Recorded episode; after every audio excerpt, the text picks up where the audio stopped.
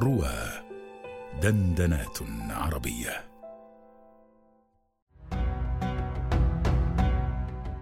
آيات وأبيات مع الأستاذ أبي قيس محمد رشيد على رواه.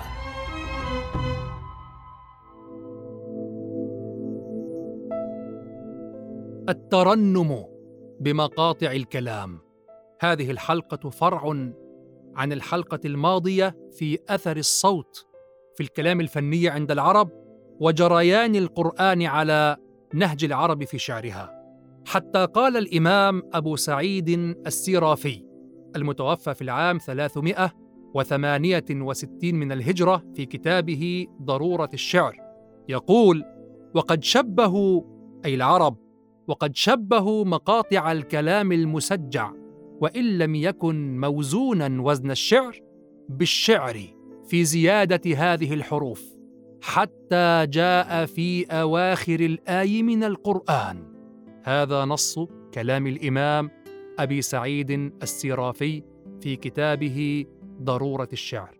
يقول وقد شبهوا مقاطع الكلام تأملوا هذه العبارة أيها الإخوة لأنها خطيرة في فهم كيف نزل القرآن بلسان عربي مبين.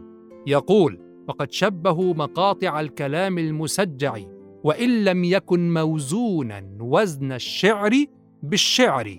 في زيادة هذه الحروف التي سنتكلم عنها الآن التي تكون في آخر حرف الذي هو حرف الروي في البيت الشعري والذي هو حرف الفاصلة القرآنية كما سأوضح الآن إن شاء الله.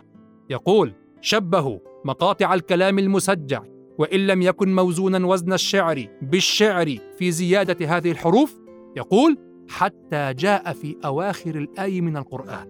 كلامه يختصر مرحلة طويلة. يقول العرب تكلمت بالشعر وترنموا بهذا الترنم الذي يقع في الحروف الزائدة في آخر الكلام. ثم حملوا النثر على الشعر فجعلوا في الشعر هذه السجعة الممدودة ومدوا الحروف فيها كما مدوها في ماذا؟ في الشعر. وجرى هذا في العرب ثم يقول أبو سعيد حتى جاء في أواخر الآي من القرآن. يعني لما نزل العرب بلسان عربي مبين ظهر أثر هذه الحروف. ما هذه الحروف؟ كما قلنا في الحلقة الماضية. يقول هل غادر الشعراء من متردمي؟ فمد الكسرة في المتردم مدها في ياء. هل غادر الشعراء من متردمي أم هل عرفت الدار بعد توهمي الأصل أن تقول بعد توهم أو بعد توهم أو بعد توهمي بالكسرة وفقط لكن مدوا الكسرة في الياء كما قلنا بعد توهمي بعد توهمي كذلك يقول عمرو بن كلثوم في معلقته ألا هبي بصحنك فاصبحين ولا تبقي خمور الاندرين أصلها الاندرين بفتح النون فقط لكن مدها في ألف. ولهذا يرسمونها حتى في الشعر بالألف.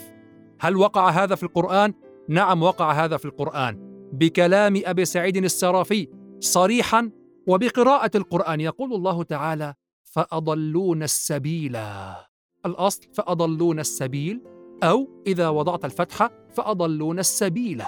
لكن السبيل هذا جرى على القاعدة الفنية المتسللة إلى نثر العرب من شعر العرب بصريح كلام أبي سعيد.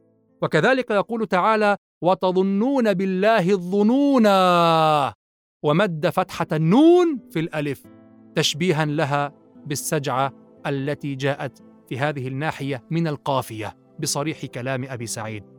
وكذلك قال تعالى وأكواب كانت قواريرا. وقوارير ليس منونا حتى نقف عليه بالألف وإنما هي ممنوعة من الصرف ولكن مدت هذه الحركة في ألف بدليل قوله تعالى عقيبها قوارير من فضة قدروها تقديرا. هذه صورة صوتية معجبة مما جاء به القرآن على طرائق الشعر بواسطة النثر الذي انسربت له هذه الطرائق من شعر العرب فجاء القرآن على ذلك بلسان عربي مبين.